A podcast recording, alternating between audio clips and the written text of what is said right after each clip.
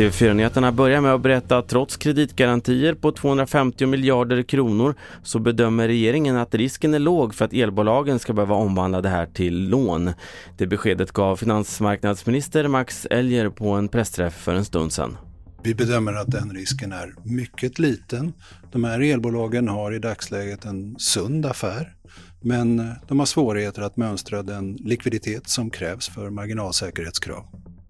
Utrikes terrororganisationen Hamas som styr Gaza uppgav i morse att den har avrättat fem palestinier. Två av dem anklagas för att ha samarbetat med Israel och de andra tre uppges ha dömts för mord. Enligt Human Rights Watch så förekommer ibland summariska avrättningar av så kallade misstänkta kollaboratörer i Palestina. Till sist, efter bara tre låtar tvingades artisten The Weeknd avbryta sin konsert i Los Angeles igår kväll eftersom han tappade rösten. Även de flesta turnédatum ställs nu in, det rapporterar sajten NME. The Weeknd skriver på Instagram att rösten gick sönder under första låten på Sophie Stadium och han lovar att publiken ska få en ny chans att se honom. Fler nyheter på tv4.se. Jag heter Carl-Oskar Alsen.